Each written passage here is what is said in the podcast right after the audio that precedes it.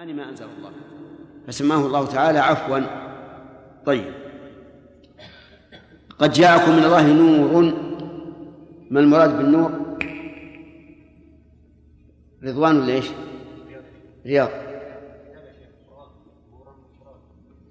القرآن. طيب وكتاب؟ نور وكتاب.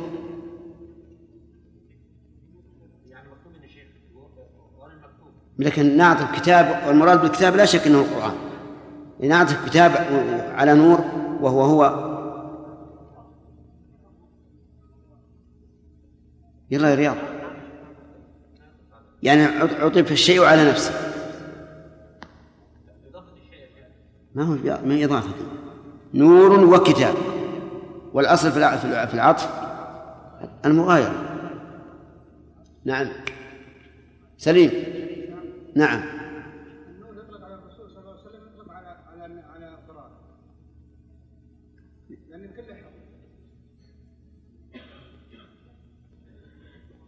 عبد الله الفغاني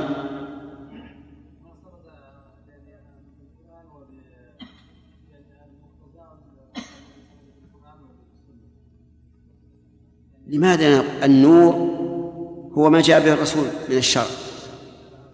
ما جاء به الرسول من الشر. كما قال تعالى وأنزلنا إليكم نورا مبينا.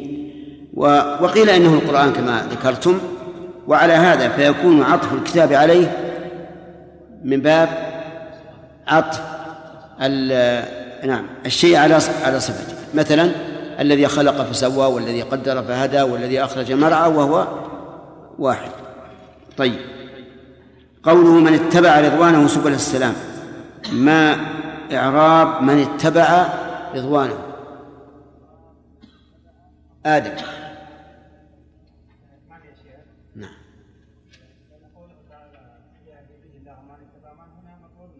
مفعول إيش؟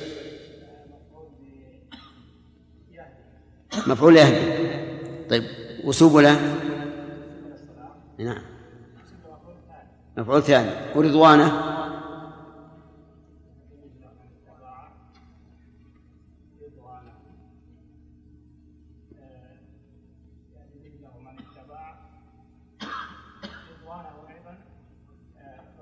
مفعول لإيش؟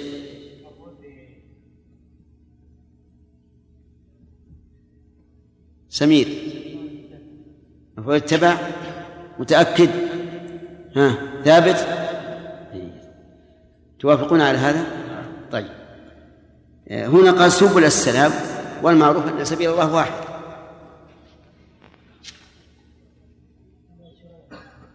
المراد الإسلام.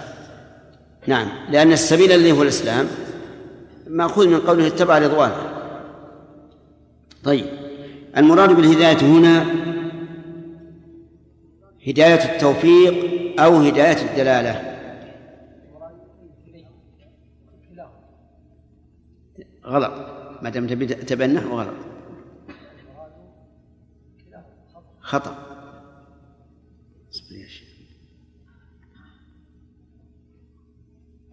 أنا قلت ما المراد بالهداية؟ فقلت المراد كلاهما. وهداية مؤنث. وخطأ. كلتاهما. المراد كلتاهما. نعم. طيب. المراد هداية التوفيق وهداية الدلالة. طيب. من هنا أظن نبدأ؟ مكملينه؟ بإذنه. يقول عز وجل يخرج من الظلمات إلى النور بإذنه. الظلمات ظلمات الجهل والشرك والمعاصي والفسوق وغير ذلك. شوف الله أكبر. هل يمكن أن يبرد الجو قليلا؟ بارك الله فيكم تناقضات هذه يا جماعة. المهم ما الأكثر الذي يريد التبريد أو البقاء على مكان. قوله بإذنه الإذن هنا بين الإذن القدري. والإذن القدري بمعنى المشيئة وبمعنى الإرادة. ويقابله الإذن الشرعي. مثل قوله تعالى قل آه الله أذن لكم أم على الله تفترون. معلوم أن الله أذن لهم قدرا. لكنه لم يأذن لهم شرعا.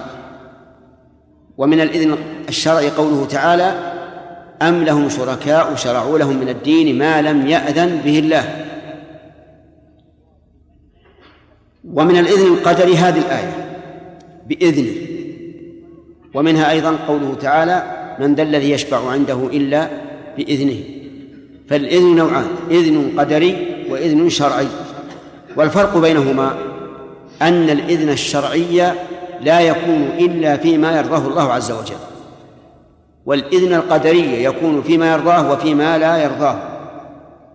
هذا واحد. والفرق الثاني أن ما أذن به شرعا فقد يقع وقد وقد لا يقع. إذ أن الناس قد يمتثلون وقد لا يمتثلون. وأما ما أذن به قدرا فلا بد من من وقوعه. بإذنه و نعم. ويخرجهم من الظلمات إلى النور بإذنه ويهديهم إلى صراط مستقيم. الهداية إذا تعدت بإلى فهي هداية الدلالة. وعلى هذا فمعنى يهديهم إلى صراط مستقيم يعني يدلهم إليه. وهذا يعني فتح أبواب العلم لهم حتى يعلموا ما لم يكونوا يعلمونه من قبل. ففي هذه الآية الكريمة فوائد عديدة. منها خطاب اليهود والنصارى بأهل الكتاب. بأهل الكتاب. وقد يقول قد يقول قائل في هذا إكرام لهم وإعزاز لهم أن سماهم أهل الكتاب. والجواب عن ذلك أن نقول سماهم أهل الكتاب لا إكراما لهم ولكن إقامة للحجة عليهم. لأن أهل الكتاب هم الذين يجب عليهم أن يكونوا أول عامل به كما قال تعالى في أول السورة ولا تكونوا في أول سورة البقرة ولا تكونوا أول كافر به.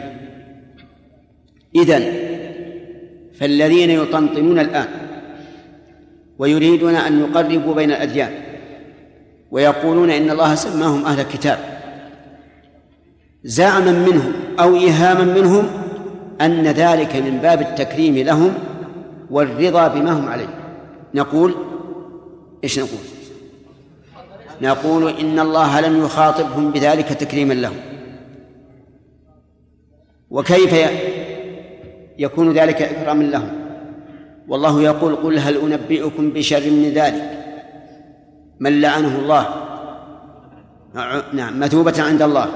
من لعنه الله وغضب عليه وجعل منهم القردة والخنازير وعبد الطاغوت أولئك شر مكان وأضل عن سواء السبيل. لكنه ناداهم بهذا الوصف إيش؟ إقامة للحجة عليهم وأن تصرفهم أبعد ما يكون عن العقل. لأن أهل الكتاب يجب أن يكونوا أول أول مؤمن أول عامل به. ومن فوائد هذه الآية الكريمة آه، رفع شأن النبي صلى الله عليه وسلم. وذلك بقوله رسولنا فإن إضافة رسالته إلى الله لا شك أنها شرف. وكل ما يضاف إلى الله فهو شرف. حتى الجماد إذا أضيف إلى الله كان ذلك شرفا له. وطهر بيتي للطائفين والقائمين. ومن فوائد هذه الآية الكريمة أن محمدا رسول الله مرسل إلى أهل الكتاب. بقوله قد جاءكم رسولنا وهو كذلك. حتى أقسم النبي صلى الله عليه وسلم أنه لا يسمع به يهودي ولا نصراني ثم لا يؤمن بما جاء به إلا كان من من أصحاب النار. فهو مرسل إليه بالقرآن والسنة وإجماع المسلمين. ومن فوائد الآية الكريمة أن محمد رسول الله مبين مبين يبين لكم. فهو عليه الصلاة والسلام سراج منير مبين للخلق كما قال الله تعالى ونزلنا إليك الذكر إيش؟ لتبين للناس ما نزل إليهم. والتبيين الذي ذكره الله هنا يشمل تبيين اللفظ وتبيين المعنى. كما قال تعالى يا أيها الرسول بلغ ما أنزل إليك من ربك. ومن فوائد ومن فوائد هذه الآية الكريمة أن أهل الكتاب أهل أهل كتمان للعلم. بقوله كثيرا مما كنتم تخفون من الكتاب. ومن فوائد الآية الكريمة أن من كتم العلم من هذه الأمة ففيه شبه باليهود والنصارى. لأن هذا هو دأبهم. فمن كتم فقد شابههم. شابههم في أقبح خصلة والعياذ بالله. وهي كتمان ما جاءهم من العلم. ومن فوائد هذه الآية الكريمة أن رسول الله صلى الله عليه وعلى آله وسلم سكت عن أشياء من معايب أهل الكتاب لم يبينها لهم. فإذا قال قائل لماذا؟ لماذا لم يبين؟ ويفضحهم قلنا فضيحتهم فيما بين كافية. والسكوت عما لم يبين لأن المصلحة تقتضي ذلك. وقد يكون في هذا نوع من التأليف أي من تأليف قلوبهم. ومن فوائد هذه الآية الكريمة أن ما جاء به محمد رسول الله كله نور. نور يشع إن تأملت أخباره استنرت, استنرت به. أحكامه كذلك. وهو نور في الطريق. يستنير به الإنسان في طريقه إلى الله عز وجل وفي طريقه إلى معاملة عباد الله. هو أيضا نور في القلب. فكل من تمسك بشريعة محمد صلى الله عليه وسلم ازداد نورا في قلبه وفراسة واستنباطا للأحكام الشرعية وغير ذلك. هو أيضا نور في الوجه. لأن المتمسك بشريعة النبي عليه الصلاة والسلام لا بد أن يؤثر ذلك عليه في مقاله وفعاله وحاله. فيستنير وجهه. ولهذا تجد العلماء الربانيين آه، تجد لهم يعني في, في وجوههم نورا يكاد يكون محسوسا. أما المعنوي فمعلوم. حتى لو كان العالم الرباني آه، جلده غير يعني أبيض فإنه يستنير وجهه. والنور شيء واللون شيء آخر. هو أيضا نور في القبر. فإن الإنسان إذا كان مؤمنا جعل الله وإياكم منهم يفسح له في قبره مد بصره ويأتيه من روح الجنة ونعيمها. هو أيضا نور يوم القيامة. يوم ترى المؤمنين والمؤمنات نورهم يسعى بين أيديهم وبأيمانهم. إذن فكلمة نور شاملة عامة في كل ما يمكن أن يكون فيه ظلمة فالدين الإسلامي ينيره. ومن فوائد هذه الآية هذه الآية الكريمة أن القرآن مكتوب. مكتوب في إيش؟ ذكرنا أنه مكتوب في المصاحف التي بأيدينا. في اللوح المحفوظ في الصحف التي بأيدي الملائكة. ومن فوائد الآية الكريمة أن القرآن الكريم مبين مبين للأشياء. وأوضح من ذلك قوله تعالى ونزلنا عليك الكتاب تبيانا لكل شيء وكلمة مبين ذكرنا في التفسير أنها يصح أن تكون متعدية أو أو لازمة. فإن كانت لازمة فالمعنى أنه بين بنفسه وإن كانت متعدية فالمعنى أنه مبين لغيره. والقرآن لا شك أنه لا شك أن بيانه بنفسه وإبانته لغيره هو وصف. طيب إذا كان مبينا وتبيانا لكل شيء ألا يتفرع على هذا أنه لا يليق بنا أن نعرض عن تدبره. بل علينا أن نتدبره. وأول ما يرد علينا من المسائل نطلبها في إيش؟ في كتاب الله. في كتاب الله. فإن عجزنا عن استبيانها في كتاب الله ففي سنة رسول الله صلى الله عليه وسلم وسنة رسول الله مبينة للقرآن بأمر الله. ونزلنا عليك الذكر لتبين الناس ما نزل إليهم. فإذا لم يكن في القرآن ولا في السنة وعجزنا عن إدراك الحكم الشرعي في الكتاب والسنة حينئذ إما أن نسأل أهل الذكر لقوله تعالى فاسألوا أهل الذكر إن كنتم لا تعلمون وإما أن نتوقف. وإن كان الإنسان أهلا للاجتهاد فلا حرج عليه أن يجتهد. كالإنسان الذي لا يعرف لا يعرف القبلة بنفسه ولا أخبره بها ثقة فعليه أن يجتهد ويتحرك ومن فوائد هذه الآية الكريمة أن الهداية بيد الله ولهذا أدلة كثيرة من يهد الله فهو المهتدي.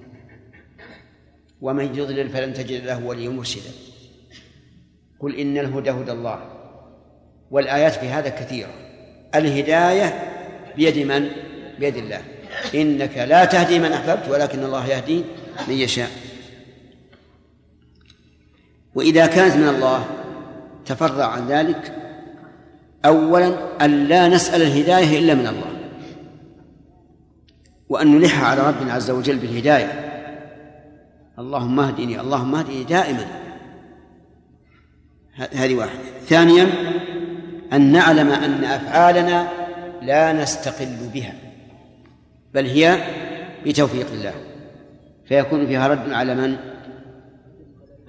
على القدرية إذا كان يهدي معناه أن أن أن لأفعالنا علاقة بهداية الله فيكون في ذلك رد على القدرية. القائلين بأن الإنسان أتم مستقل بنفسه وبعمله وبمشيئته وبقدرته. طيب هل فيها موافقة للجبرية؟ الجواب اسمع من اتبع رضوانه اتبع فأضاف الاتباع إليه خلافا للجبرية الذين يقولون إن الإنسان لا ينسب إليه فعل. طيب. ومن فوائد الآية الكريمة أنه كلما اتبع الإنسان ما يرضي الله ازداد معرفة بشريعة الله. لقوله يهدي به الله من اتبع رضوانه سبل السلام. واذكرها بالعكس. من أعرض عن رضوان الله فإنه لا يهدى سبل الله. لأنه ليس أهلا للهداية. وعلى هذا فنقول لأي طالب علم أتريد أن يهديك الله ويرزقك علما؟ سيقول بلى نقول عليك باتباع رضوان الله. كلما رأيت شيئا يرضي الله فافعل. وكلما رأيت شيئا يغضب الله فاجتنب. ومن فوائد الآية الكريمة إثبات الرضا لله والمسعود أظنه مو حاضر اليوم. نعم.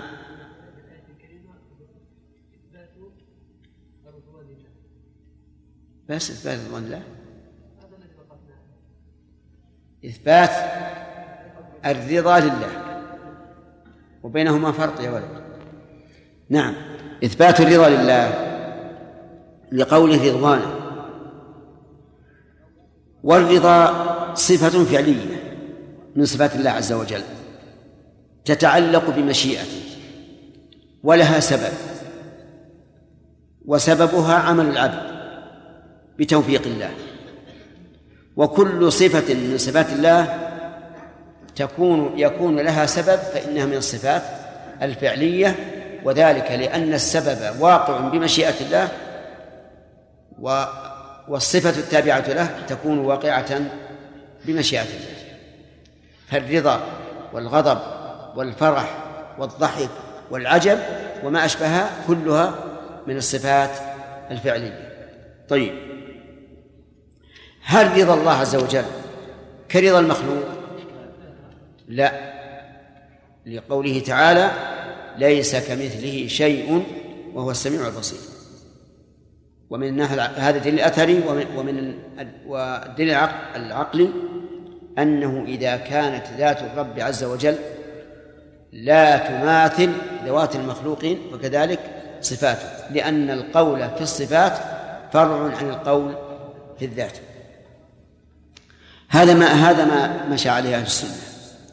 وقالوا ليس لنا أن نتحكم في كلام الله ورسوله بمقتضى ما بمقتضى أفهامنا ولا أقول عقولنا لأن عقولنا تبع تقتضي التبعية للكتاب والسنة لكن بمقتضى أفهامنا.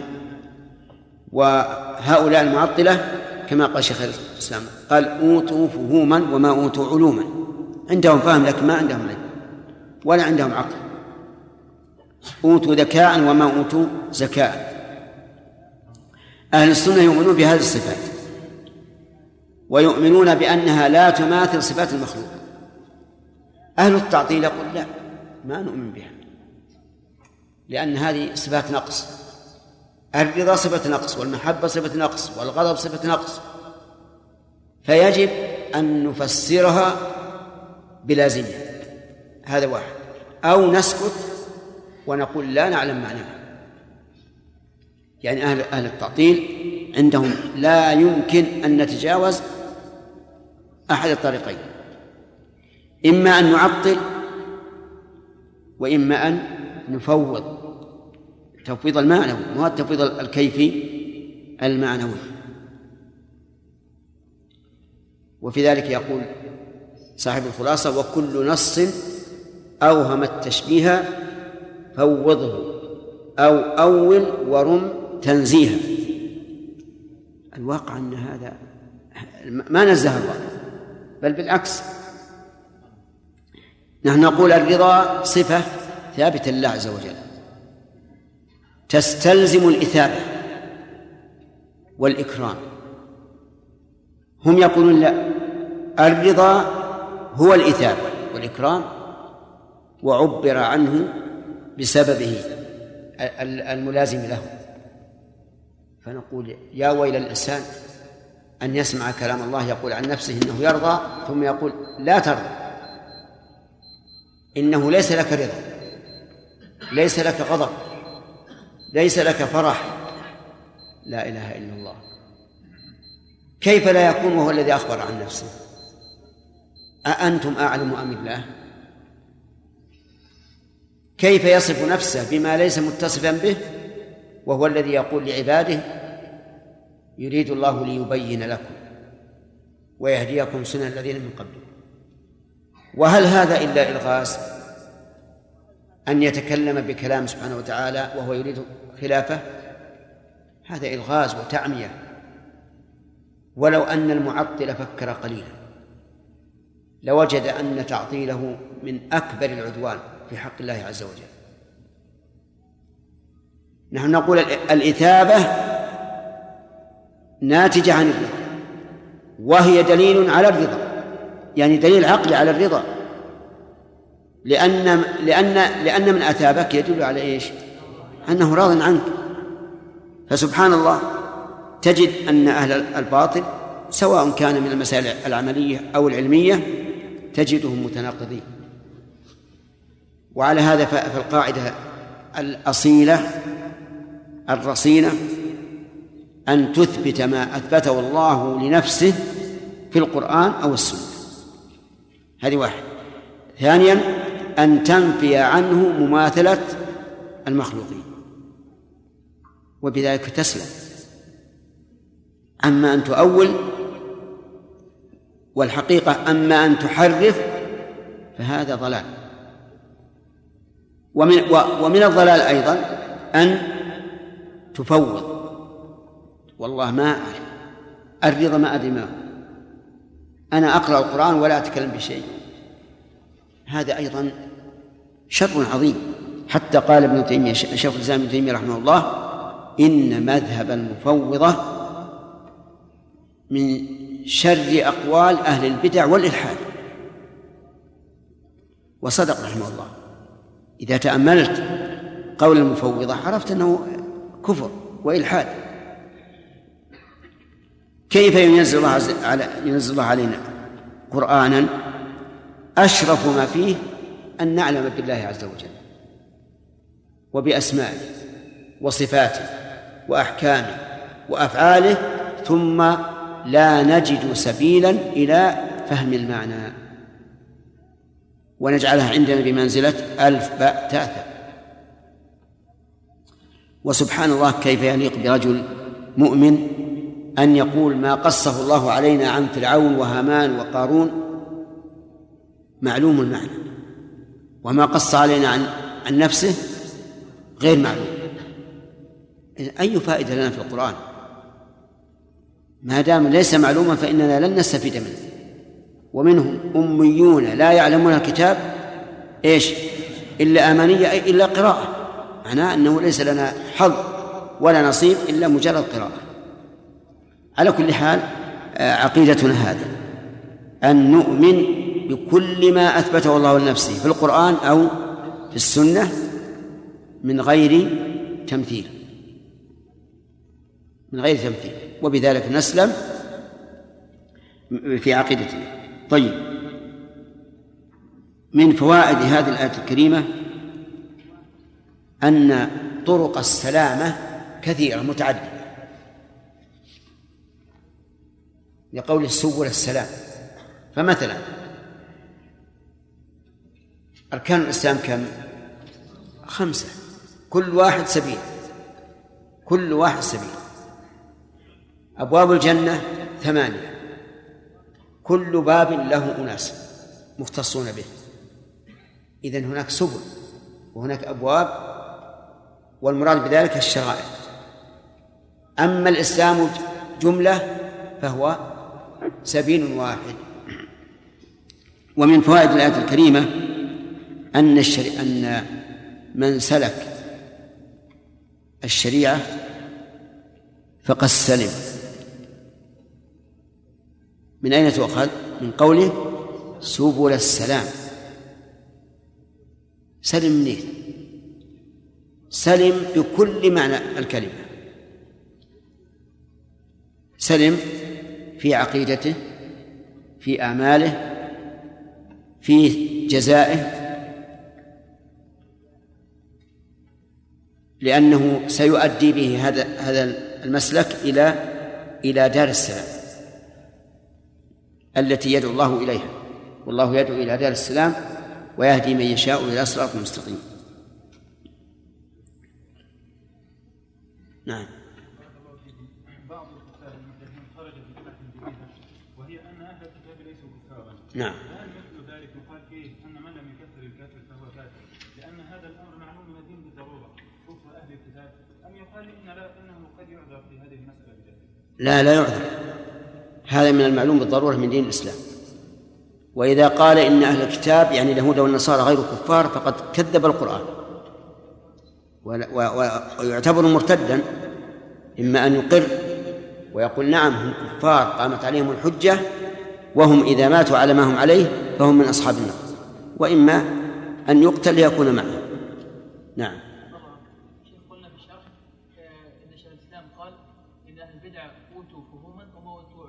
نعم. صحيح. ما قال أوتوا علوما واوتوا فهوما؟ كيف؟ قال أوتوا علوما فهوما. لا بالعكس. أوتوا فهوما وما أوتوا علوما. نعم. نعم.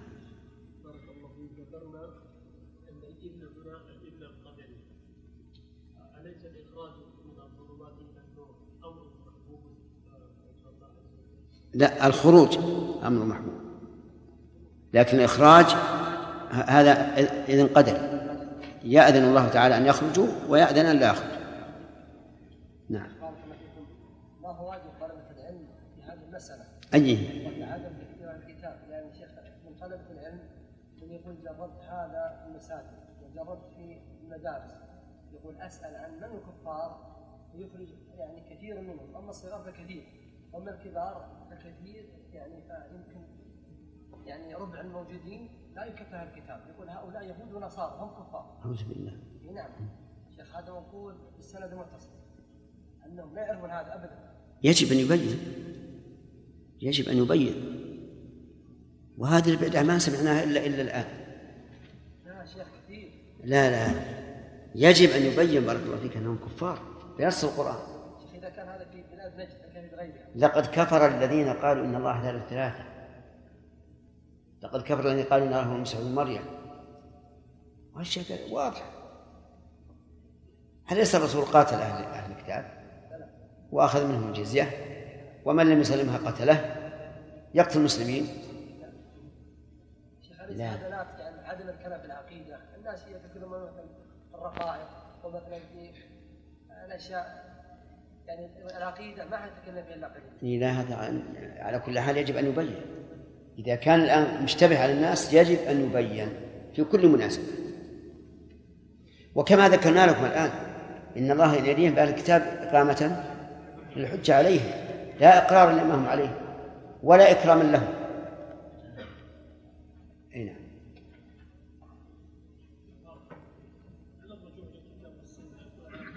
على إيش؟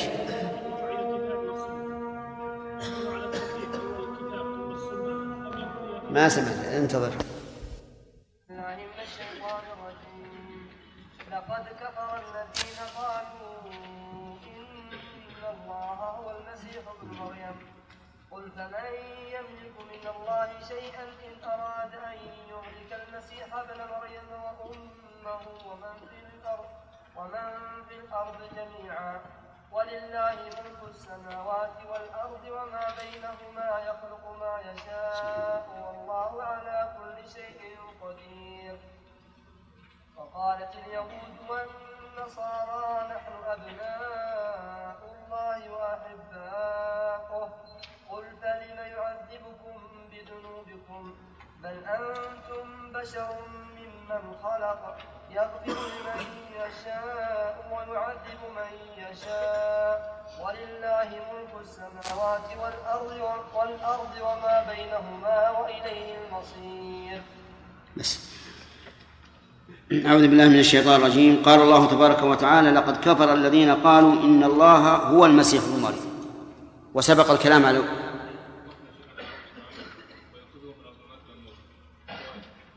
والفوائد خلصناها؟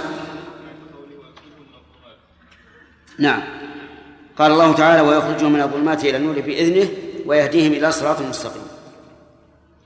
من فوائد هذه الآية الكريمة ويخرجهم الرد على القدرية الذين يقولون إن الله لا علاقة له بفعل العبد فالآية الصريحة يخرجهم من الظلمات.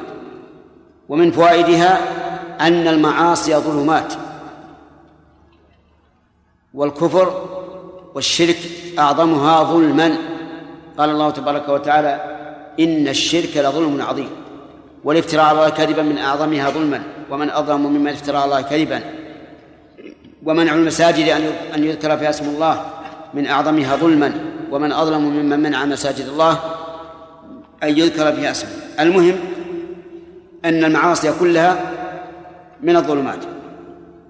الجهل أيضا ظلمة لأنه يعمي على الإنسان الطريق ولا يدري أين يذهب أين يرجع كيف يعمل. وكذلك أيضا من الظلم آه، ظلم العباد بالعدوان عليهم في أموالهم أو أبدانهم أو أعراضهم. نعم. ومن فوائد هذه الآية الكريمة أن الشريعة نور وهي كذلك. هي نور لا شك.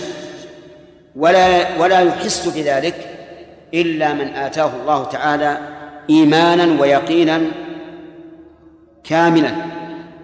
كلما كمل الإيمان ازداد الإنسان نورا وتبين له نور الشريعة. نسأل الله أن يبين لنا ولكم ذلك. ومن فوائد الآية الكريمة إثبات الإذن لله عز وجل.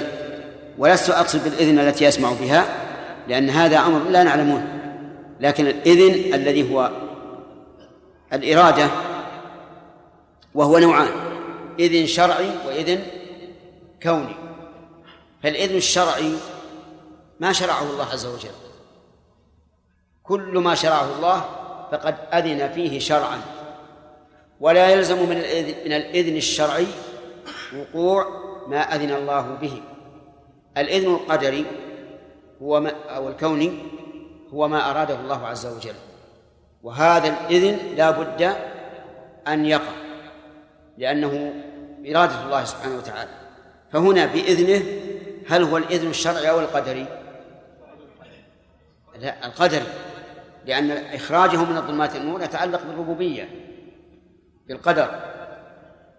ومن فوائد الآية الكريمة أنه كلما تمسك الإنسان بشريعة الله هداه الله تعالى. لقوله ويهديهم إلى صراط مستقيم. وهذا له شواهد كثيرة في القرآن. أن المعاصي سبب للزيغ وأن الطاعة والامتثال سبب للهداية والرشد. وهذا له أمثلة كثيرة في القرآن ولا حاجة إلى استيعابها لأنها مرة تمر علينا كثيرا ومن فوائد هذه الآية الكريمة أن الطرق منها منها المستقيم ومنها المعوج فطريق الله تعالى مستقيم وما سواه من الطرق فإنه معوج ليس فيه قيام ولا يوصل إلى نتيجة لأنه معوج ثم قال تعالى لقد كفر الذين قالوا إن الله هو المسيح ابن مريم. لا يخفى أن الجملة الآن مؤكدة بثلاثة مؤكدات وهي صالح اللام. وقد والقسم المقدر لأن قول ولقد يقدر بقول بقولك والله لقد. لقد كفر الذين قالوا. إذا قال قائل ما الذي أعلمكم أن أن هناك شيئا محذوفا هو القسم؟ نقول أعلمنا ذلك ربنا عز وجل. أعلمنا ذلك الله. لأن الله تعالى قال نزل به الروح الأمين على قلبك لتكون من المنذرين بإيش؟ بلسان عربي مبين. واللسان العربي كلما جاءت مثل مثل هذه الصيغة فهي مقدرة بقسم. وعلى هذا فيكون الذي دلنا على ذلك هو كلام الله عز وجل. لقد كفر الذين قالوا إن الله هو المسيح ابن مريم وهؤلاء هم النصارى بنص القرآن. وقالت اليهود عزير بن الله وقالت النصارى المسيح ابن الله. وقوله إن الله هو هو ضمير فصل. وضمير الفصل يفيد ثلاثة أشياء. الأول الحصر والثاني التوكيد والثالث التمييز بين الصفة والخبر. وهذا الأخير أحيانا يستغنى عنه ويتبين ويعرف الخبر بدونه لكن يؤتى به كقوله تعالى لعلنا نتبع السحرة إن كانوا هم الغالبين فهنا هم ضمير ضمير فصل. ما الذي أعلمه؟ نصب ما بعده وإلا كان مرفوعا. هنا إن كانوا هم الغالبين لا نحتاج إليه من حيث التمييز بين بين الصفة وبين الخبر لأن الضمائر لا تنعت. ولا ينعت بها. الضمائر لا تنعت ولا ينعت بها. وهنا لا يمكن أن تكون الغالبين نعت للواو من وجهين. أولا القاعدة التي ذكرنا وهي أن الضمائر لا تنعت ولا ينعت بها. والثاني إيش؟ الثاني أن الغالبين منصوبة والواو مرفوعة ولا يمكن أن تكون نعت لها. على كل حال نرجع إلى فوائد ضمير الفصل. ثلاث. أولا. ثانيا. ثالثا. التمييز بين الخبر والصفة. هنا إن الله هو المسيح ابن مريم. أكدوا تأكيدا بهذا الضمير أنه المسيح ابن مريم. قاتلهم الله أن يوفقوا نعم. فكيف يكون الله هو المسيح ابن مريم. ابن مريم مخلوق ولا خالق؟ مخلوق. والخالق هو الله. فكيف يكون الخالق عين المخلوق؟ هذا مستحيل عقلا كما هو مستحيل شرعا. هم أيضا قالوا إن المسيح ابن الله. كما قالت اليهود عزير ابن الله. لقد كفر الذين قالوا إن الله هو المسيح ابن مريم. المسيح بمعنى الماسح. والمسيح الدجال بمعنى الممسوح. انتبهوا للفرق. المسيح هنا بمعنى الماسح قال العلماء لأنه لا يمسح ذا عاهة إلا برأ بإذن الله. يبرئ الأكمة والأبرص بإذن الله. فسمي مسيحا المسيح الدجال مسيح بمعنى ممسوح. لأن عينه ممسوحة حيث إنه أعور. وأما من استحب من العلماء رحمهم الله وعافى عنهم أن يقال في المسيح الدجال المسيخ يعني ممسوخ وفي عيسى بن مريم المسيح فهذا غلط.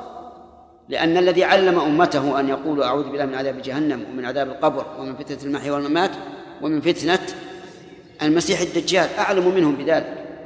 ومع ذلك سماه المسيح. وقول ابن مريم أضافه إلى أمه لأنه ليس له أب. فأضيف إلى أمه وسيأتينا في الفوائد إن شاء الله أن من ليس له أب يضاف إلى أمه. نعم. ابن مريم مريم بنت من؟ وأخت من؟ أخت هارون. طيب إذن هي أخت موسى وهارون. لا؟ لماذا؟ لأنهم كانوا يسمون بأسماء أنبيائهم وإلا فبينهما فبينها وبينهما زمن بعيد. قل يعني يا محمد لهؤلاء فمن يملك من الله شيئا؟ إن أراد أن يهلك المسيح ابن مريم وأمه ومن في الأرض جميعا. الله أكبر. حجة دامة من يملك من الله إن أراد أن يهلك. إذن فالمسيح مريم مربوط مقدور عليه يقدر الله على أن يهلكه وأمه ومن في الأرض جميعا. فكيف يكون؟ هو الله عز وجل. هذا لا يمكن. لو أراد الله تعالى أن يهلك المسيح ابن مريم وأمه ومن في الأرض جميعا أحد يملك من الله شيئا؟ لا أحد يملك. وهذه حجة دامغة والدليل على هذا؟ أن عيسى بن مريم عليه الصلاة والسلام حاول اليهود أن يقتلوه وفعلا دخلوا وقتلوا من ألقى الله شبهه عليه وقالوا إننا إنا قتلنا المسيح ابن مريم. المسيح عيسى بن مريم. نعم. فمن يملك من الله شيئا يمنع يملك بمعنى يمنع. من يمنع شيئا أراده الله إن أراد بالإرادة الكونية القدرية أن يهلك المسيح ابن مريم أي يتلفه بعد أن كان موجودا المسيح ابن مريم الذي قلتم إنه الله وأمه أيضا الذي أتت به فيهلك الفرع والأصل. من الفرع؟ عيسى. والأصل أم. فالله تعالى لو أراد أن يهلك المسيح الذي زعمتم أنه الله وأصله الذي هو أمه ومن في الأرض جميعا. أحد يملك أن يمنع الله؟ لا والله ما أحد يملك أن يمنع الله. ولو يؤاخذ الله الناس بما كسبوا ما ترك على ظهرها من دابة ولكن يؤخرهم إلى أجل مسمى. والقادر على أن يبعثهم بكلمة واحدة كلهم يوم القيامة قادر على أن يهلكهم بكلمة واحدة. ولا أحد يرد ولا أحد يملك. منه شيئا. ومن في الأرض جميعا. جميعا هذه حال من المسيح وأمه ومن ومن في قوله ومن في الأرض. يعني كلهم يهلكهم ثم قال ولله ملك السماوات والأرض. كل ما في السماوات كل ما نشاهده فهو مملوك لله. وإذا كان مملوكا لله تعذر أن يكون هو الله. واضح؟ فاستدل الله عز وجل على أنه ليس الله بأمرين. الأول أن المسيح لا يملك أن يدفع شيئا عن نفسه لو أراد الله أن يهلكه والثاني أن كل شيء في السماء والأرض فهو ملك لله فكيف يكون هو الله؟ كيف يكون المالك مملوكا آه، كيف يكون المملوك مالكا هذا مناقض للعقل والفطرة. ولله ملك السماوات والأرض وما بينهما. ملك السماوات وهي سبع والأرض وهي سبع. السماوات بنص القرآن أنها سبع. قل من رب السماوات السبع ورب العرش العظيم. لكن الأرض الأرض ليس في القرآن تصريح بأنها سبع. لكن في القرآن ما يدل على أنها سبع كقوله تعالى الله الذي خلق سبع سماوات ومن الأرض مثلهن. لو أردنا أن نقول المماثلة في الوصف المماثلة في الكبر المماثلة في العظم لكذبنا الواقع. إذ لا مقارنة بين السماء والأرض. إذن يتعين إذا إذا امتنعت الكيفية تعينت الكمية فيكون المراد بقوله مثلهن أي في العدد أي في العدد. وجاءت السنة الصريحة في أنها سبع أراضين كما في قوله صلى الله عليه وسلم من اقتطع من الأرض شبرا بغير حق أو قال ظلما طوقه يوم القيامة من سبع أراضين. طيب. أن أراد أن يهلك المسيح ابن مريم وأمه ومن في الأرض جميعا؟ نعم. ولله ملك السماوات والأرض وما بينهما. ما بين السماء والأرض. قد يقول قائل لماذا جعل الله تعالى ما بين السماء والأرض عديلا للسماء والأرض؟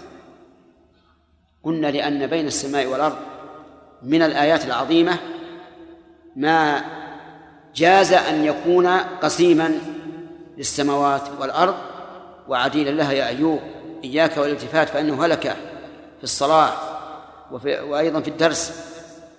طيب إذن نقول ما بينهما؟ إيش؟ فيه آيات عظيمة. وتجول الناس الآن في في الكون وفي الآفاق يدل على أن هناك أشياء من أعجب ما يكون من من من مخلوقات الله عز وجل. ولهذا جاء في القرآن الكثير الكريم كثيرا ما يقرن ما بينهما بالسماء والأرض. ثم قال عز وجل يخلق ما يشاء. هذا دليل ثالث. لأن النصارى البلهاء الضلال قالوا إن الله المسيح ابن مريم لأنه خلق بدون بدون أب. وفدى نفسه. ونعم ابتدى بنفسه عن جميع الخلق. على زعمهم أن الخلق كانوا مستحقين للعذاب والعقوبة وأن عيسى بن مريم عليه الصلاة والسلام ابتدى الخلق بنفسه. وصبر على القتل وعلى الصلب فاستحق أن يكون إلها له. يقول عز وجل يخلق ما يشاء وإذا كان يخلق ما يشاء فمن الذي فمن الذي يحجر عليه أن يخلق شخصا بأم من أم بلا بلا أب. يخلق ما يشاء. خلق الله آدم لا من أم ولا من أب وخلق حواء من أب بلا أم. وخلق عيسى من أم بلا أب وخلق بقية البشر من أم وأب. الله على كل شيء قدير. ثم قال والله على كل شيء قدير. وهذا دليل كم يبلغ؟ الرابع. والله على كل شيء قدير. فبقدرته خلق عيسى من أم بلا أب. في هذه الآية الكريمة التصريح والتأكيد بكفر من قال إن الله هو المسيح ابن مريم وهم النصارى. فما بقي شك في أن النصارى كفار. ومن قال إنهم غير كفار وأنهم مؤمنون فإنه كافر.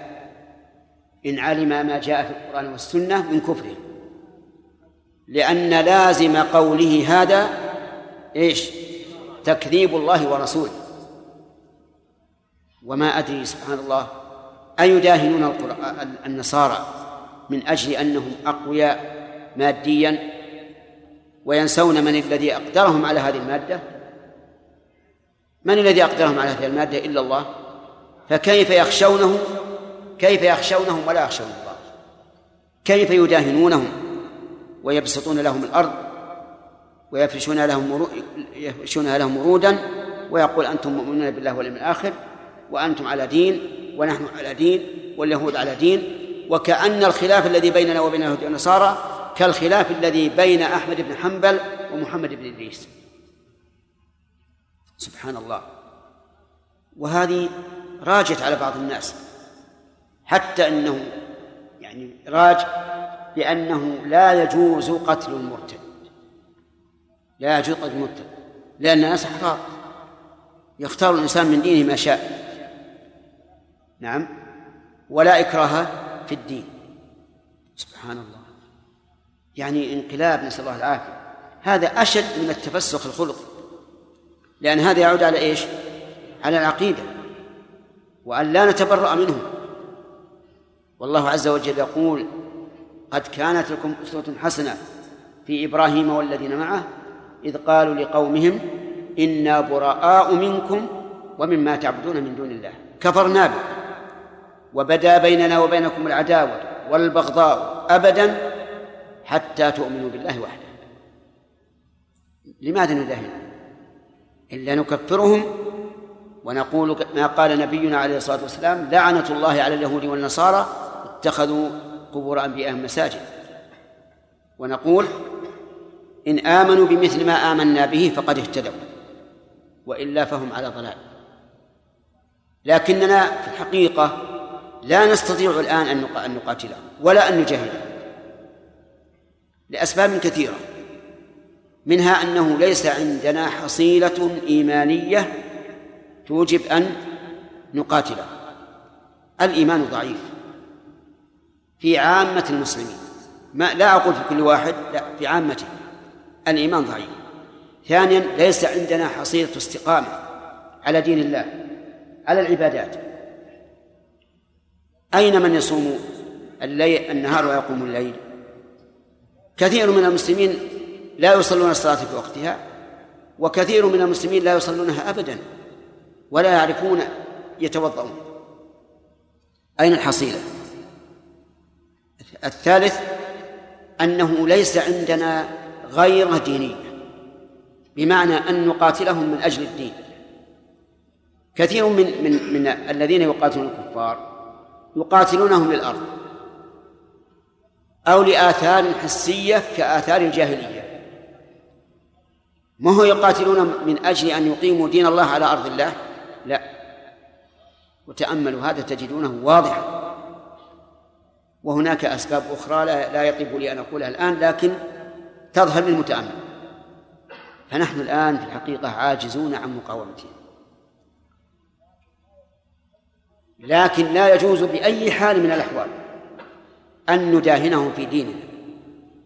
لأنهم هم يودون كما قال الله عز وجل ودوا لو تدهن فيدهنون يودون هذا. لكن يأبى الله عز وجل إن شاء الله تعالى أن نداهنهم في دين الله. أبدا. ولا نداهنهم نسالمهم ما دمنا ضعفاء وإلى أن يأذن الله لنا بالقوة ويأذن لهم بالضعف. وأما مسألة الدين لا يمكن إطلاقا أن نبيع دين لهم ولا لغيرهم ولا يحل لنا هذا. لكن مع الأسف أنه يوجد الآن من يحطمون الدين باسم الدين. الدين الإسلامي دين التسامح دين التساهل. دين المحبة. ما هو صحيح. التسامح مع من؟ مع إخواننا المسلمين. أما غيرهم فقد قال الله تعالى يا أيها النبي قال جاهد الكفار والمنافقين واغلظ عليهم. ومأواهم جهنم وبئس المصير. يا أيها الذين آمنوا قاتلوا الذين يلونكم من الكفار وليجدوا فيكم غلظة واعلموا أن الله مع المتقين. لكن من مد إلينا يد المسالمة مددنا إليه يد المسالمة إذا كنا عاجزين عن المقاومة. لقوله تعالى فاتقوا الله ما استطعتم. أما الدين فلا نرضى أن أن أن يصاب بشيء أبدا.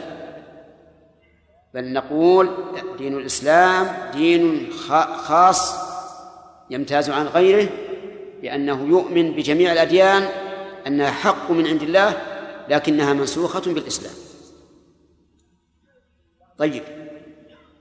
بعض الناس الجهال يقول اليهود يؤمنون بموسى والنصارى بعيسى والنصارى يؤمنون بموسى أيضا.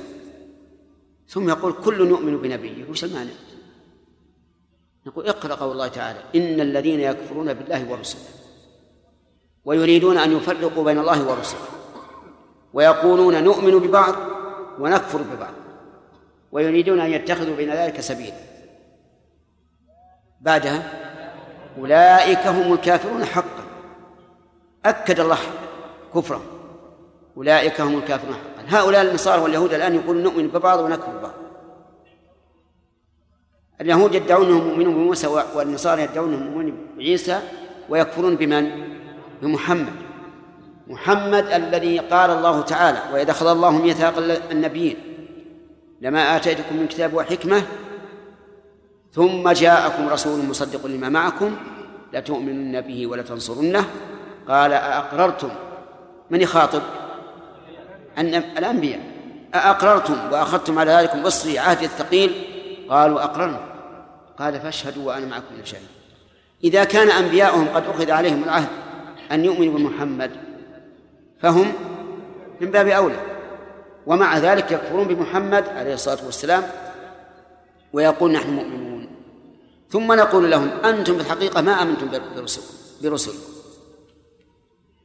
لأن لأن محمد صلى الله عليه وسلم موجود في التوراة والإنجيل مكتوبا عندهم يأمرهم بالمعروف وينهاهم عن المنكر ويحل لهم الطيبات ويحرم عليهم الخبائث. موجود هذا. بل قال الله تعالى الذين آتيناهم الكتاب يعرفونه كما يعرفون أبناءهم مثل ما يعرف الرجل ابنه يعرف أن محمدا رسول الله ومع ذلك كفروا. كيف نقول هؤلاء المؤمنون؟ ثم نقول إن الله تعالى حكم على كل إنسان كفر برسول أنه كافر بجميع الرسل حتى بمن لم يأتي من الرسل فهو كافر به. قال الله تعالى في قوم نوح كذبت قوم نوح المرسلين قوم نوح من بعث رسولا قبل نوح؟ لا أحد. ومع ذلك قال الله إنهم كذبوا المرسلين. فهؤلاء الذين يدعون أنهم مؤمنون بموسى وبعيسى نقول أنتم الآن كافرون بموسى وعيسى. كافرون الكفر العام والكفر الخاص. أما العام فكل من كذب رسولا فقد كذب جميع الرسل. أما الخاص فإن رسلكم جاءت كتبهم صريحة في أن محمدا رسول الله حقا. وعرفتموه كما تعرفون أبناءه.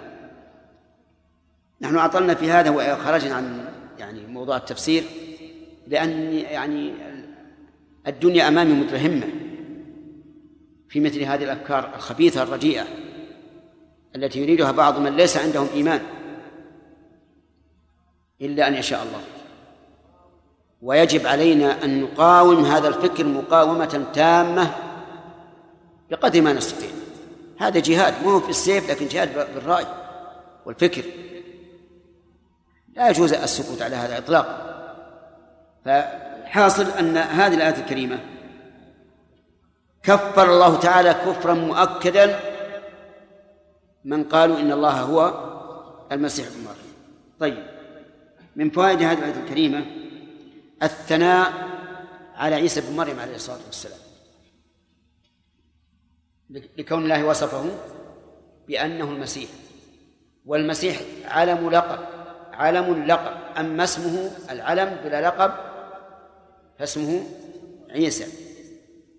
ومن فوائد هذه الآية الكريمة جواز انتساب الإنسان إلى أمه إذا لم يكن له أب. إذا لم يكن له أب. نعم. لقوله المسيح ابن مريم. وأخذ المحققون من أهل العلم أن من ليس له أب فإن عصبته أمه إذا لم يكن له عصبة. إذا لم يكن له عصبة فعصبته أمه لأنه نسب إليها وجعلت بمنزلة الأب. أما إن كان له عصبة فأمه تأخذ فرضها والباقي لعصبته. فإذا إذا كان هناك ابن لامرأة ليس له أب إما إنه ولد زنا أو إن أو إن أباه أو أن أباه نفاه والتعن لنفيه أو لم يلتعن على خلاف المهم أنه ليس له أب. ثم تزوج وجاءه أبناء. أمه هنا ليس لها إلا ليس لها إلا فرضها وهو السدس. والعاصب هنا أبناؤه أما لو مات هذا الابن عن أمه وإخوانه إخوانه من أمه ليس الأب فإخوانه من أمه يأخذون فرضهم إن كان واحدا فالسدس وإن كانوا أكثر فالثلث وأمه تأخذ الفرض والباقي تعصيبا. لماذا؟ لأنها بمنزلة بمنزلة الأب طيب وهذا القول هو الراجح. أن الأم أن من ليس له أب فعصبته أمه.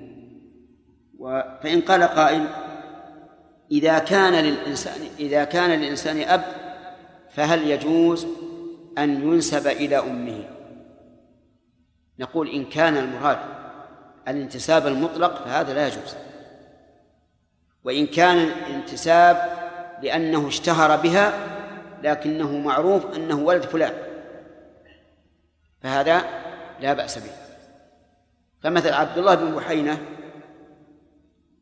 عبد الله بن بحينة بحينة اسم أمه واسم أبيه مالك ومع ذلك يطلق عليه هذا الاسم. كما نقول أيضا في إطلاق في, في الانتساب إلى الجد إذا كان للجد شهرة والانتساب إليه يعد شرفا دون أن ينقطع الانتساب إلى الأب فلا بأس بذلك. ومنه قول النبي صلى الله عليه وسلم عام حنين أنا أنا أنا النبي لا كذب أنا ابن عبد المطلب صلوات الله وسلامه عليه. لأنه عبد المطلب أشهر من عبد الله في قومه. وهو سيد معروف. فلا بأس لكن بشرط أن لا ينسى الأب.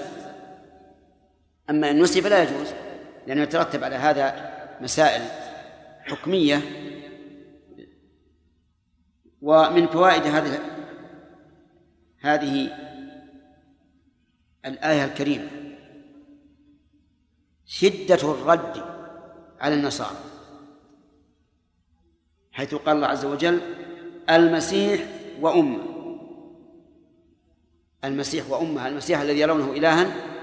يقول الله عز وجل لو أراد الله أن يهلك ما استطاع أحد أن يمنع وهذا لا شك أن فيه صدمة قوية على النصارى.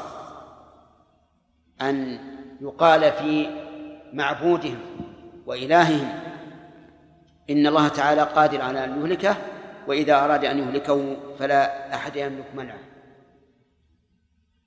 ومن فوائد الآية الكريمة أنه إذا أراد الله شيئا فإن الشرف والجاه والرئاسة ولو في الدين لا تمنع مما أراد الله. لأن المسيح ابن مريم عليه الصلاة والسلام من أولي العزم من الرسل. ومع ذلك يقول الله عز وجل فمن يملك من الله شيئا إن أراد أن يهلك المسيح ابن مريم وأمه ومن في الأرض جميعا.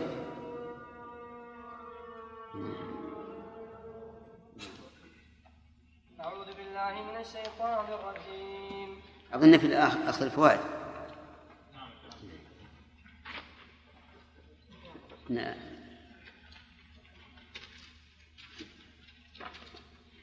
نستمر في أخذ الفوائد. أعوذ بالله من الشيطان الرجيم. قال الله تبارك وتعالى لقد كفر الذين قالوا إن الله هو المسيح ابن مريم. قلنا أن هؤلاء هم النصارى وأن هذه الآية الصريحة في أنهم كفار. وتكلمنا على ذلك بكلام طويل. ليس له مساس في التفسير لكن له مساس في الواقع. من فوائد هذه الآية الكريمة أن نساء أهل الكتاب ولو كانوا كفارا لكنهم منتسبون لأهل الكتاب حلال. خلافا لمن قال من العلماء إنهم بعد أن بدلوا وغيروا وأشركوا فنساؤهم حرام والصواب أنهم لأن نساءهم حلال ولو كانوا قد بدلوا وغيروا وكفروا وأشركوا كطعامهم. ومن فوائد هذه الآية الكريمة الرد على أهل الباطل بالأدلة السمعية والعقلية. لأن الله رد عليهم بأدلة سمعية عقلية. ومن فوائد الآية الكريمة بيان كمال سلطان الله عز وجل وأنه لا أحد يمنعه مما أراد. لقوله قل فمن يملك من الله شيئا إن أراد أن يهلك المسيح ابن مريم وأمه ومن في الأرض جميعا. ومن فوائده أنه عند المناظرة ينبغي أن تبدأ بأول من يحتج به المناظر وأنه على خلاف ما نظر عليه وجهه أن الله بدأ بذكر إهلاك المسيح وأمه الذي يعتقد هؤلاء أنه إله. ومن فوائد هذه الآية الكريمة عموم ملك الله عز وجل لقوله ولله ملك السماوات والأرض. ومن فوائدها أيضا اختصاص هذا الملك بالله. لقوله ولله وجه الدلالة أنه قدم الخبر ومن القواعد المقررة عند أهل البلاغة وأهل الأصول أن تقديم ما حقه التأخير يفيد الحصر. فإن قال قائل إن الله تعالى أضاف الملك إلى غيره في غير ما آية في غير ما آية من كتاب الله. فما الجمع؟ قلنا ما أضاف الله إليه ملك فإنه ملك قاصر من جميع الوجوه. مثل مثل قوله تعالى إلا على أزواجهم أو ما ملكت أيمانهم. ومثل قوله تعالى أو ما ملكتم مفاتحهم ومثل قوله تعالى والذين يبتغون الكتاب مما ملكت أيمانهم. والآيات في هذا متعددة. فيقال الملك المضاف إلى المخلوق ليس كملك الله عز وجل. هو ملك قاصر لا يشمل كل مملوك وهو أيضا قاصر في التصرف فيه إذ أن الإنسان لا يملك التصرف كما يشاء فيما هو ملكه. لو أراد الإنسان أن يتلف ماله وقال هذا ملك أنا لي أن أتلفه؟ قلنا حرام عليك ليس لك أن تتلفه. لأن لأن الشرع نهى عن إضاعة عن إضاعة المال. ولو أراد أن يعتدي على ملك غيره لقلنا لا يمكن لأن ملكك محصور. وبهذا نعرف أن الملك التام هو ملك الله عز وجل. ومن فوائد الآية الكريمة الإشارة إلى أن ما بين السماء والأرض فهو خلق عظيم خلق عظيم حتى جعله الله تعالى عديلا أو إن شئت فقل قسيما للسماوات والأرض. دليله ولله ملك السماوات والأرض وما بينهما. ومن فوائد الآية الكريمة أن الله تعالى له المشيئة المطلقة لقوله يخلق ما يشاء. وقد فصل الله تعالى هذا في بعض المواضع مثل قوله تعالى لله ملك السماوات والأرض يخلق ما يشاء يهب لمن يشاء إناثا ويهب لمن يشاء الذكور أو يزوجهم ذكرانا وإناثا ويجعل من يشاء عقيما. وهذا من جملة آه، كمال ملكه وتمام خلقه. ومن فوائد هذه الآية الكريمة أن أفعال العباد مخلوقة. العباد مخلوقة لأن إذا كان الله مالك للسماوات والأرض وما بينهما وهو خالق ما يشاء فالإنسان مما في السماوات والأرض فتكون أفعاله مخلوقة لله.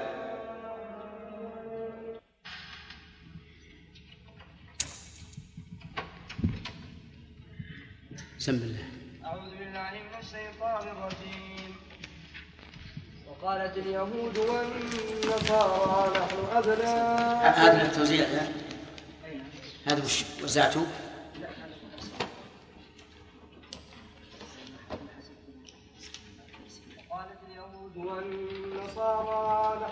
نحن والنصارى نحن أبناء الله وأحباؤه. قل فلم يعذبكم بذنوبكم بل أنتم بشر ممن خلق. يغفر لمن يشاء ويعذب من يشاء.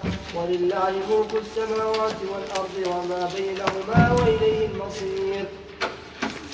يا أهل الكتاب قد جاءكم رسولنا يبين لكم على فترة من الرسل أن تقولوا ما جاءنا من بشير ولا نذير. فقد جاءكم بشير ونذير والله على كل شيء قدير. وإذ قال موسى لقومه يا قوم أعوذ بالله من الشيطان الرجيم. قال الله تبارك وتعالى أخذنا إلى قوله والله على كل شيء قدير. وأخذنا فوائدها. نعم. من فوائد الآية الكريمة لقد كفر الذين قالوا إن الله هو المسيح ابن مريم بيان عموم قدرة الله عز وجل. لقوله والله على كل شيء قدير. والقدرة أن يفعل الفاعل ما أراد بدون عجز. وثم شيئان قدرة وقوة وبينهما فرق. فالقوة تكون من من ذوي الإدراك وغيرهم. فيقال الحديد قوي ويقال فلان قوي. وأما القدرة فلا تقال إلا فيما له إدراك.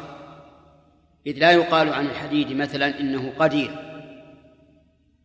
ثانيا أن القدرة ضدها العجز والقوة ضدها الضعف وهي من هذه الناحية أخص من القدرة لأنه ليس كل قادر قويا. قد يكون الإنسان مثلا يقدر على أن يحمل هذا هذا الكيس فوق ظهره لكن مع التعب والمشقة.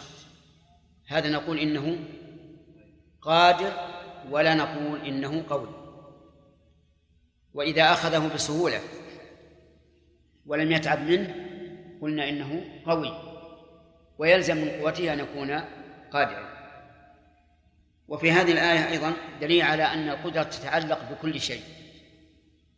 فهو على كل شيء قدير من إيجاد المعدوم وإعدام الموجود وتغيير الشيء وتحويله إلى شيء آخر. والهداية والإضلال وغير ذلك. كل شيء فهو قادر عليه. وكذا و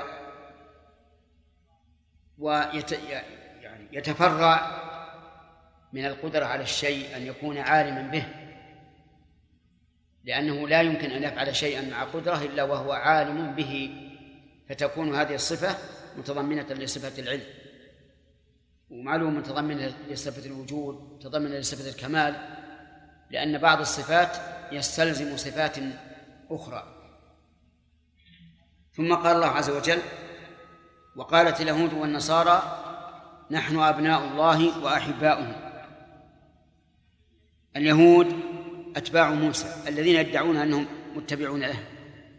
والنصارى أتباع عيسى الذين يدعون أنهم متبعون له. قالوا عن أنفسهم نحن أبناء الله وأحباؤه. ولا ولا يريدون أنهم أبناء الله بنوة بنوة الولادة لأنه ما ادعى أحد منهم ذلك. غاية ما هنالك أن اليهود قالوا عزير ابن الله والنصارى قالوا المسيح ابن الله. لكن الأبناء هنا من باب المبالغة في المحبة والمودة أي أننا كأبنائه في مودته لنا وشفقته علينا وإكرامنا وإعزازنا وما أشبه ذلك. وعلى هذا فيكون قوله وأحباؤه من باب عطف الصفة الأعم على الصفة الأخص. وإن كان بعض المفسرين قال إنه من باب عطف المرادف على مرادفه لأن المراد بالأبناء هم الأحبة لكن ما ذكرناه أولى لأن الأصل في المتعاطفين هو التغاير والتغاير إما بالذوات وإما بالأوصاف فإذا قلنا أبناء الله يعني كأبنائه بالشفقة والحنو والإعزاز وما إلى ذلك قلنا أحباؤه تكون من باب عطف المعنى الأعم على المعنى الأخص قال الله تعالى مفندا دعواهم قل فلم يعذبكم. قل فلم يعذبكم بذنوبكم فهنا أبطل الحجة قبل أن يذكر الرد. وهكذا ينبغي في المناظرة أن تبطل حجة الخصم ثم يؤتى بما يثبت خلاف قوله. هنا قال فلم يعذبكم بذنوبكم وهذه يتضمن الشيئين. مما ينافي أن يكونوا أحبة وأبناء. الأول أنهم أذنبوا. أذنبوا. والأصل في الابن أن لا يكون مذنبا في جانب والده بل يكون سميعا مطيعا له لا عاصيا مذنبا. الثاني من جهة الأبوة آه، التعذيب. التعذيب منافي لدعواهم أنه أن الله أب لهم أو أنه حبيبه لأن العادة أن المحب يعفو ويصفح عن حبيبه إذا اعتدى أو أذنب أو ما أشبه ذلك. طيب. آه فهنا نقض الله تعالى دعواهم بأمرين. الأمر الأول أنهم أذنبوا. والثاني أنهم عذبوا. فكيف تقولون إنكم أحباء له وأنتم تعصون وتذنبون؟ ثم كيف يكون حبيبا لكم وهو يعذبكم فلما يعذبكم بذنوب. ثم احتج الله عليهم بعد أن أبطل حجتهم فقال بل بل أنتم بشر ممن خلق وبل هنا للإضراب. الإبطالي أو الانتقالي؟ الإبطالي. لما قالوا نحن أبناء الله وأحباؤه قال بل أنتم بشر ممن خلق كسائر البشر. والبشر هم بنو آدم وسموا بشر بشرا لأن أبشارهم بادية. بخلاف بقية المخلوقات فإن غالبها أن أبشارها غير بادية. بنو آدم أبشارهم بادية لحكمة عظيمة. ولذلك تجدهم مفتقرين إلى اللباس شتاء وصيفا. وحياء وخجلا. فأراد الله عز وجل أن يجعلهم أن يجعل أبشارهم بادية حتى يعرفوا أنهم مضطرون إلى ستر هذه العورة وإلى الوقاء إلى وإلى فعل ما يقون به أنفسهم من الأذى. إشارة إلى أنهم كما أنهم مستحقون لهذا حسا فهم مستحقون له أيضا معنى. فليلبسوا لباس التقوى حتى يتقوا به النار كما يلبسوا لباس الجلود حتى يتقوا بها الأذى. بل أنتم بشر ممن خلق أي من سائر المخلوقات. ثم قال عز وجل يغفر لمن يشاء ويعذب من يشاء. فالأمر إليه يغفر لمن يشاء أن يغفر له. فيوفقه لفعل أسباب المغفرة. وإنما قلنا ذلك لأن لدينا قاعدة مهمة وهي أن كل فعل قرنه الله بالمشيئة فلا بد أن يكون موافقا للحكمة. لأن الله تعالى لأن مشيئة الله ليست مشيئة مجردة ترجح شيئا على شيء بدون سبب. وعلى هذا فقول لمن يشاء أي لمن اقتضت حكمته أن يغفر له وهو التائب من الذنب. وكذلك من من الله عليه بالمغفرة بدون توبة وهو المذكور في قوله تعالى إن الله لا يغفر أن يشرك به ويغفر ما دون ذلك لمن؟ لمن يشاء. ويعذب من يشاء يعذب من يشاء أن يعذبه بأن فعل ما يقتضي التعذيب. وليس الأمر لمجرد مشيئة لأن الله تعالى لا يعذب أحدا إلا بذنب. قال الله تعالى ومن يعمل من الصالحات وهو مؤمن فلا يخاف ظلما ولا هضما. لا ظلما بزيادة السيئات ولا هضما بنقص الحسنات. وعلى هذا فيكون التعذيب المقرون بالمشيئة مقيدا بما إذا اقتضت الحكمة إيش؟ أن يعذب. ومن ذلك أنتم أيها اليهود والنصارى فقد شاء الله تعالى أن يعذبكم وفعلا عذبكم بذنوبكم لأنكم عصيتموه. ولله ملك السماوات والأرض وما بينهما وإليه المصير. هذا تقدم الكلام عليه في الآية التي قبلها لكن اختلف ختم الآيتين.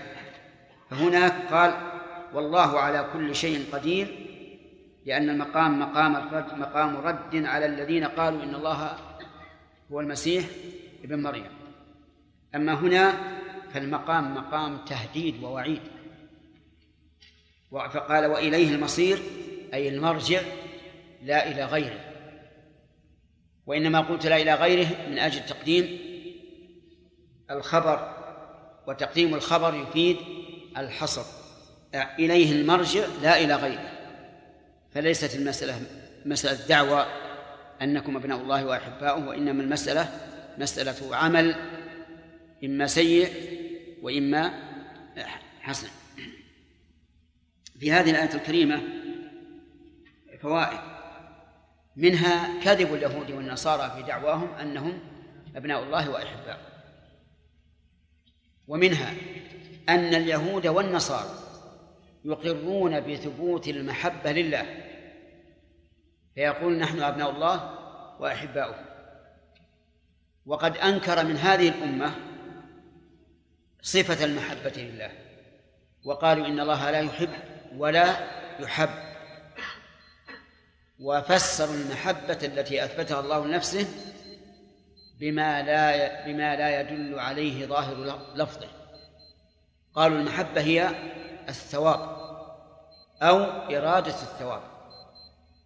وفسروها بأحد المعنيين لأن مذهبهم أن أن الإرادة ثابتة لله وأن الثواب شيء منفصل عن الله فهو من جملة المفعولات وليس من وليس من جملة الصفات. وهؤلاء من؟ نعم الأشاعرة. يقولون ما في محبة بين الله وبين العبد وإنما المحبة هي الثواب أو إرادة الثواب. اليهود والنصارى قالوا هذا قالوا إن نحن أبناء الله وأحباؤه فأثبتوا أن الله تعالى يحب وأنهم هم أحبابه ومن فوائد هذه هذه الآية الكريمة أن اليهود يدعون ما يقتضي أن يكونوا خيرا من هذه الأمة. وجهه أنهم قالوا ذلك في معرض الرد على رسالة النبي صلى الله عليه وسلم.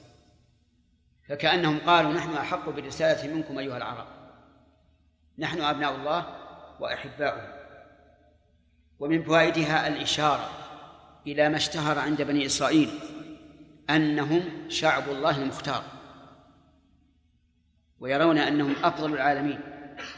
وأفضل من العرب الذين منهم ظهر الإسلام وبهم ظهر. ومن فوائد هذه الآية الكريمة إنكار الله تعالى عليهم هذه الدعوة. من وجهين الوجه الأول رد ما ادعوه والثاني إثبات ما ما لا يمكن معه هذه الدعوة. ومن فوائدها أنه ينبغي في المناظرة أن تبطل حجة خصمك أولا ثم تأتي بما يثبت قولك. ولهذا تجد العلماء الذين يذكرون أقوال العلماء أي اختلافهم. تجدهم يذكرون أولا الرد على القول المقابل لأقوالهم ثم ما يثبت أقوالهم. وهذا كله مبني على القاعدة المعروفة وهي التخلية قبل التحلية. طيب. ومن فوائد هذه الآية الكريمة أن عذاب الله لبني لليهود والنصارى لم ينقطع ولن ينقطع. لقوله فلم يعذبكم لم يقل فلم عذبكم. ليستفاد بذلك أن تعذيب الله تعالى لهم مستمر لأن الفعل المضارع يفيد الاستمرار. الأخ. اي نعم أنت؟ إيش قلنا في هذا؟ نعم. وجهه وجه ذلك. ها؟ نعم. أحسن طيب.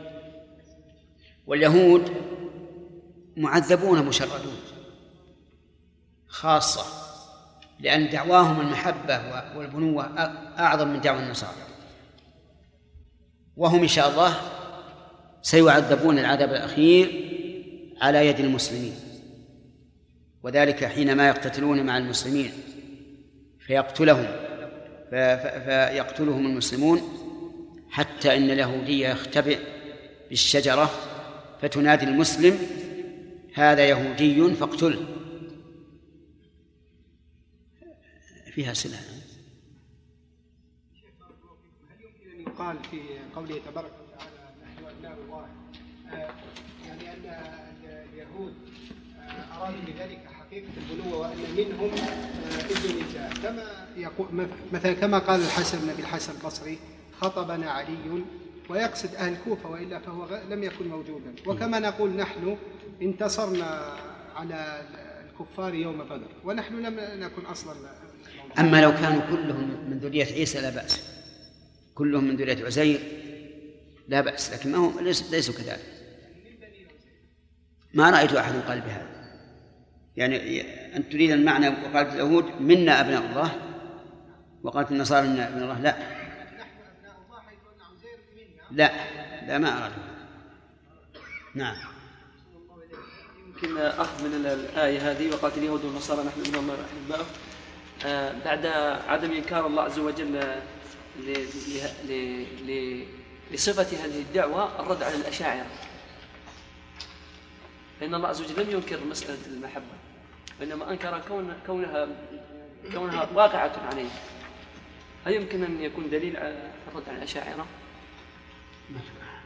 إحنا ما قلنا هذا؟ قلنا أنت أحيانا يجيك النعاس. لا يا شيخ إحنا لا قلنا هم يعرفون من صفات الله ما لا يعرفه هؤلاء المنكرين. إذا قلنا هذا أبلغ من يكون دليل على هذا. نعم.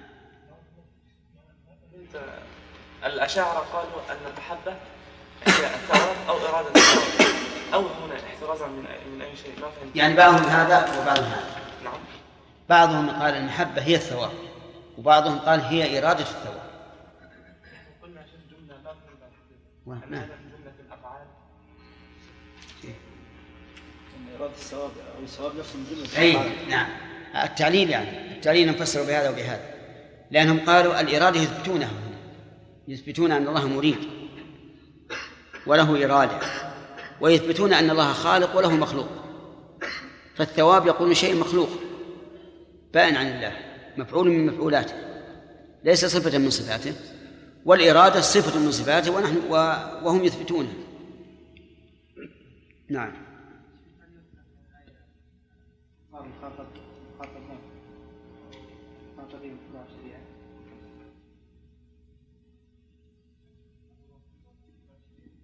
إحنا ما كملنا الفوائد جزاكم الله خير. ما أخذنا إلا فائدة الا ثلاث من اولها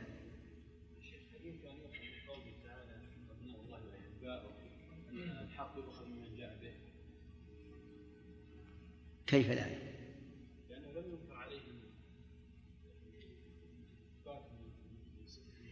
أصلا ما هي ما هي محل جدل حتى نقول ما, ما أنكر.